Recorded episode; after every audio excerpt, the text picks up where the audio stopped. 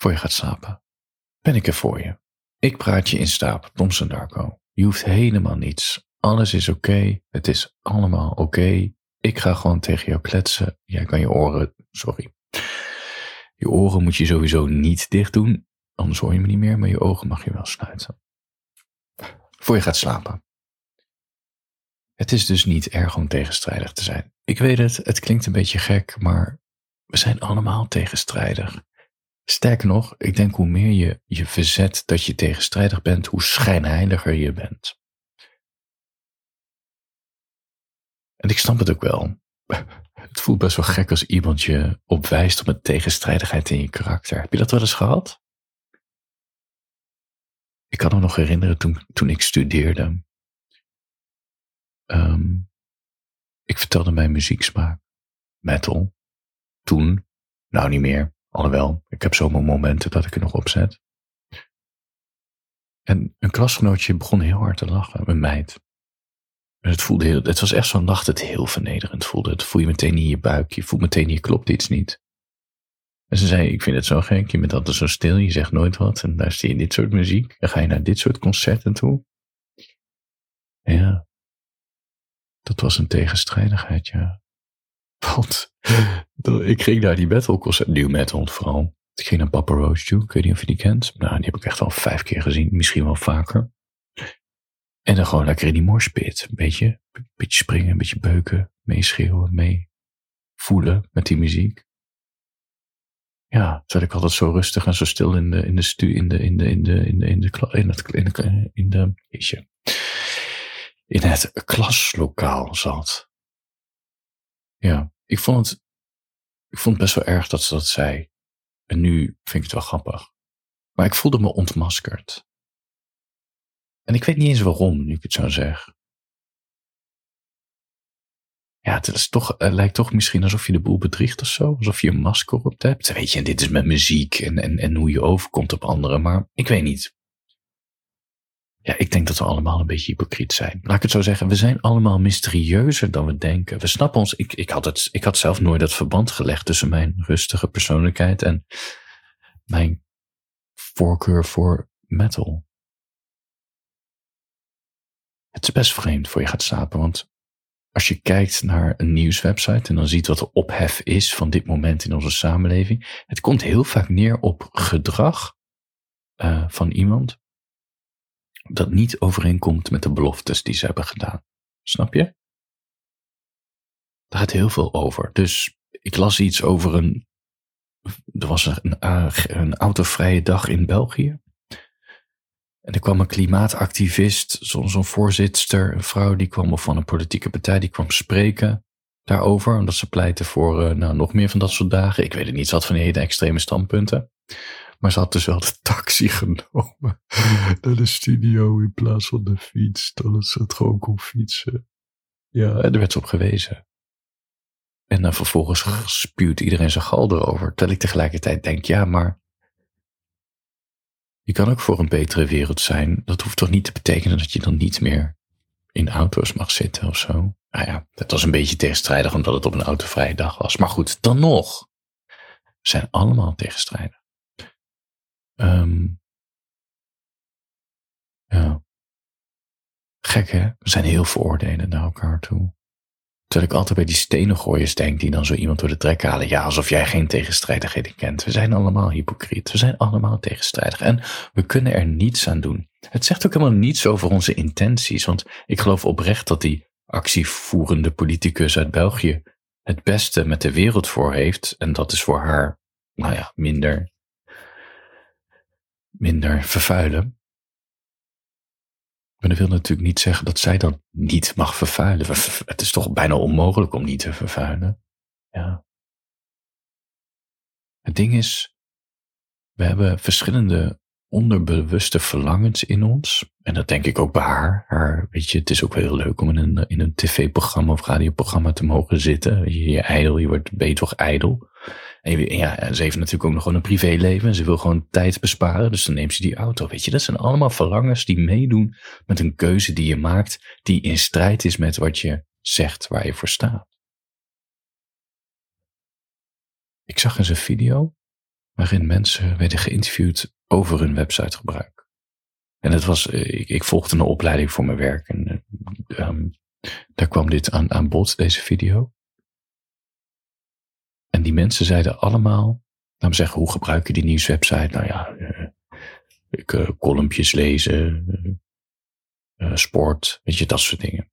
En toen vroegen die onderzoekers van, en zit je wel eens op de achterklappagina, die van wat, wat die BN'ers aan het uitspoken zijn met elkaar. En bijna iedereen die geïnterviewd werd, zei nee, dat interesseert me echt niks, daar kijk ik nooit naar, dat boeit me niet zo, dat, dat, ja, dat hoeft niet eens op de site te staan eigenlijk.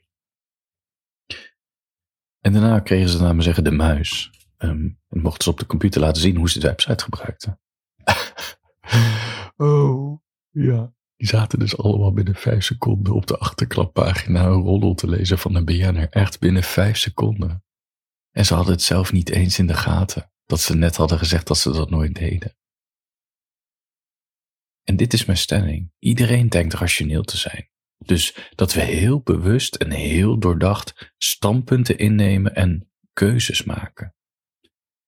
Maar ik denk eerlijk gezegd dat we eerst die keuze maken door onze onder, onderbewustzijn, dus onze verlangens die ons sturen. En de ene dag wint de ene stem, de andere dag wint de andere stem. En dan pas achteraf rationeel verklaren waarom we dat doen. We zijn gewoon in feite allemaal emotionele wezens. We zijn impulsief. Worden gestuurd emoties, door onderdrukte verlangens. We zijn helemaal niet zo rationeel, totaal niet. We zijn gewoon allemaal tegenstrijden. En het. Ja, nou ja, laat ik zo zeggen, ik ben ook enorm tegenstrijdig. Ik hou niet van opvallen. En dan merk je een beetje aan mijn kledingstijl, aan hoe ik me, ja, ik ben een beetje in de groep, ben ik vrij introvert. Ik hou niet zo van, ik ga toch liever aan de rand zitten of aan de rand staan, sorry. Ik open niet heel snel het gesprek. Weet je, ik observeer. En als ik me heel introvert voel en iemand spreekt me aan, ja, dan komt er ook niet zo heel veel uit me, sorry. En tegelijkertijd doe ik ook heel erg mijn best om niet de groep te volgen. Omdat ik ook heel autonoom ben en dwars wil zijn. Dus als iedereen een bepaalde, weet ik veel, iedereen Wordfeud speelt, ik op maar wat, dan speel ik het dus juist niet. Ja, ik wil niet heel oud overkomen, maar ik weet niet of je Hives, Hives, sorry, Hives kent. Dat, dat, dat was, laat maar zeggen, de Nederlandse Facebook voordat Facebook het overnam.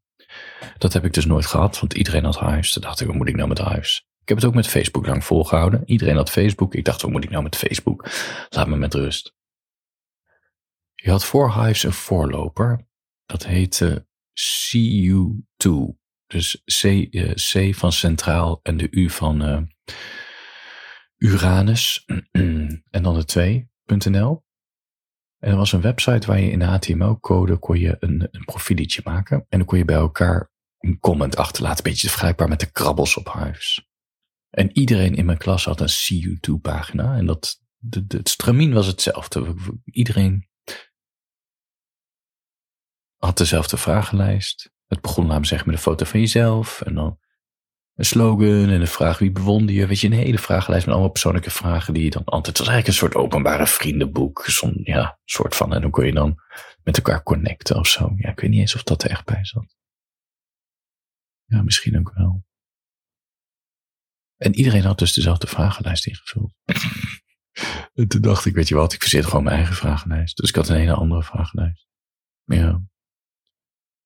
En mensen spraken me er ook aan, hoe kom je nou in die andere vragenlijst? Ja, gewoon verzonnen. Ja. ik moet zeggen, mijn neef, die ken ik niet zo heel goed, oudere neef. Die had toen ook See You Too. Het enige wat hij had was een foto van zichzelf en de mededeling dat hij iets van onzin vindt dat iedereen vragen ging invullen. Ja, die, ja, dat, ja hij was wel, dat was echt een koning move. Dus dat durfde ik nou ook weer niet. Ik wilde wel mezelf laten zien via die vragen. Dat mensen toch een beetje een beter beeld van mijn muzieksmaak konden krijgen. En van mijn filmsmaken. Want dat soort vragen stonden erin. We zijn zo tegenstrijdig. Ja. Ik denk hoe beter we onze eigen onbewuste verlangens doorhebben. En naarmate je ouder wordt, krijg je er wat beter grip op. Uh, dan snap je ook beter de acties die je uitvoert. Dus mijn stelling is dat alles een cirkel is, alles is een patroon. Cirkel, patroon, nou ja, maakt niet uit hoe het zegt, maar alles is een herhaling.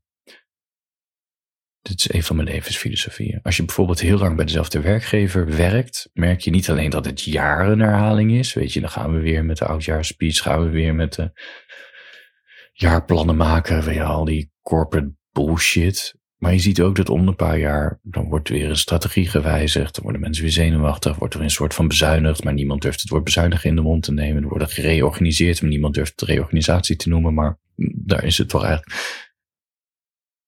Alles herhaalt zich. En het leuke is, als je het één keer hebt meegemaakt, weet je daarna hoe het vaker gaat zijn. En hoef je niet eens bij dezelfde werkgever te zitten, op andere werkgevers. Je merkt hetzelfde, want mensen reageren altijd hetzelfde. Bij een reorganisatie bijvoorbeeld. Sommige mensen worden er heel angstig van. Andere momenten, zoals ik, worden er heel rustig van. Dan denk ik, nou ja, dit is mijn, dit is een moment om een kans te pakken. Nou ja, dat. Mensen worden er heel um, gierig van. Je ziet opeens hele andere kanten. Menselijk gedrag is hetzelfde.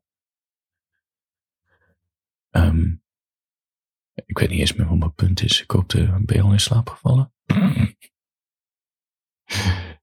Dan merk je dus ook in je eigen leven. Niet alleen de hormooncyclus, sowieso vrouwen hebben die, maar ik ben er ook van overtuigd de mannen die ook hebben. Dat, dat is een vast patroon hoe je je behoeftes is aan eten en aan knuffelen en aan alleen zijn of juist intimiteiten opzoeken. Maar ook in de loop van een jaar hoe je in je vel zit. Dat, dat zijn gewoon cirkels. En hoe beter je die cirkels in de gaten hebt, hoe beter je ook weet wat voor acties je uitvoert daaraan om het te verdoven bijvoorbeeld of juist niet. En dat is ook in, nou ja, dat is de drijfveer van onze tegenstrijdigheden, snap je? Waar we in denken en geloven, hoe we ons presenteren, onze gekke voorkeuren, onze starre meningen. We geloven het een, we doen het ander, of andersom. En dat is oké, weet je. Want ik denk juist dat dit maakt wie we zijn. Dat je nooit één persoon kan zijn, dat je continu verandert, dat er heel veel dingen gebeuren die je niet in de gaten hebt. En, en daarom voelt het misschien ook wel zo schokkend als iemand je op zo'n tegenstrijdigheid wijst waar je zelf niet eens bewust van was. Want je bent natuurlijk heel bang uiteindelijk dat je als hypocriet wordt gelabeld. En dat is ook een heftige beschuldiging.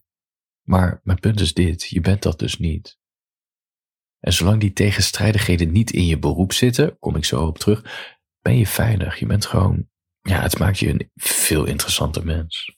Helemaal als anderen het ook opmerken. Echt, het maakt je ongrijpbaar. En ik vind het lekker als mensen een beetje ongrijpbaar zijn. En zelfs als je denkt dat je een open boek bent, dan wantrouw ik je nog meer, want ik geloof er helemaal niks van dat je echt een open boek bent. Ik had dus een keer een collega, die dronk nooit koffie. Echt nooit. Sterker nog, hij vervloekte alle koffiedrinkers in het gebouw. Wat natuurlijk op zich een soort ja, running gag was. Maar ja. En driemaal raden wie ik op zondagochtend in de AHXL in Overvecht in Utrecht tegenkwam. Zittend in zijn eentje in de koffiecorner met een plastic het zal nu wel een kart, ja, of kartonnen plastic denk ik. Plastic beker met koffie erin. Die collega. Het is zo mysterieus. Ik was echt zo verbaasd. Het heeft me ook nooit meer losgelaten. Dat is, ik weet niet. Ja, daar word ik nou blij van. Toch? ja, het is zo grappig. Nee, ik zou je sterker vertellen. Ik had ook een collega. Daar werkte ik heel erg. De, toen had ik een. Uh, dit was op het callcenter, die collega met de koffie. Een paar jaar later had ik een serieuze baan. Weet je, een, een adviseursbaantje. Zelfde verdieping als de directie en andere staffuncties samen met de juristen en de finance en de HR en, en ik, communicatie. En mijn directe communicatiecollega. Uh, ja, nou ja, een onderdeel van communicatieadviseur zijn is dat je best wel veel presentaties moet geven. Het is part of the job. En ja, dat wist die directe collega van mij ook. Alleen hij had heel erg last van faalangst. Ik weet niet wat er gebeurde, maar als hij dan voor de groep stond, hij ging gekke hij wist, zich geen houding te geven met zijn lijf. Hij wist zijn handen niet kwijt. Hij, kon zijn handen niet kwijt. Hij stond dicht. Hij zat een beetje voort. Ja, maar ja, het zag er gewoon niet uit. En ja, dat is gewoon kloten als je een, een communicatiepad hebt waar dit van je verwacht wordt. Dus, zoals die was, Hij is op presentatiecursus gegaan en om wat aan die faalangst te doen. Zoals het moet. Hè? Als je een paar keer ergens tegenaan loopt, doe er wat aan. Maar dit is dus het meest opmerkelijke. Deze man is jarenlang de frontman geweest van, frontman geweest van een bekende metalband in Nederland. Had, een, had gewoon een platencontract bij een platenlabel. Daar kon hij niet van leven, daarom had hij een andere baan. Hij heeft door heel Europa getoerd met zijn band. Hij heeft voor tienduizenden mensen opgetreden. Zonder angst. Ik heb die video's gezien. En dat is dezelfde gast die niet uit zijn woorden komt als er een paar van die verveelde, ja, hoe moet ik zeggen, 50-plussers die al 30 jaar dezelfde baan hebben en dan denken, staat er weer zo'n communicatiegastje, weet je, de poetsen geen reet en daar zat hij zo zenuwachtig voor te doen. Onbegrijpelijk toch? Ja, fascinerend. I not. Ik heb video's gezien waar hij gewoon in fucking Oekraïne optreedt voor tienduizenden mensen op een festival was hij ook nog de headliner. Nou ja, dat.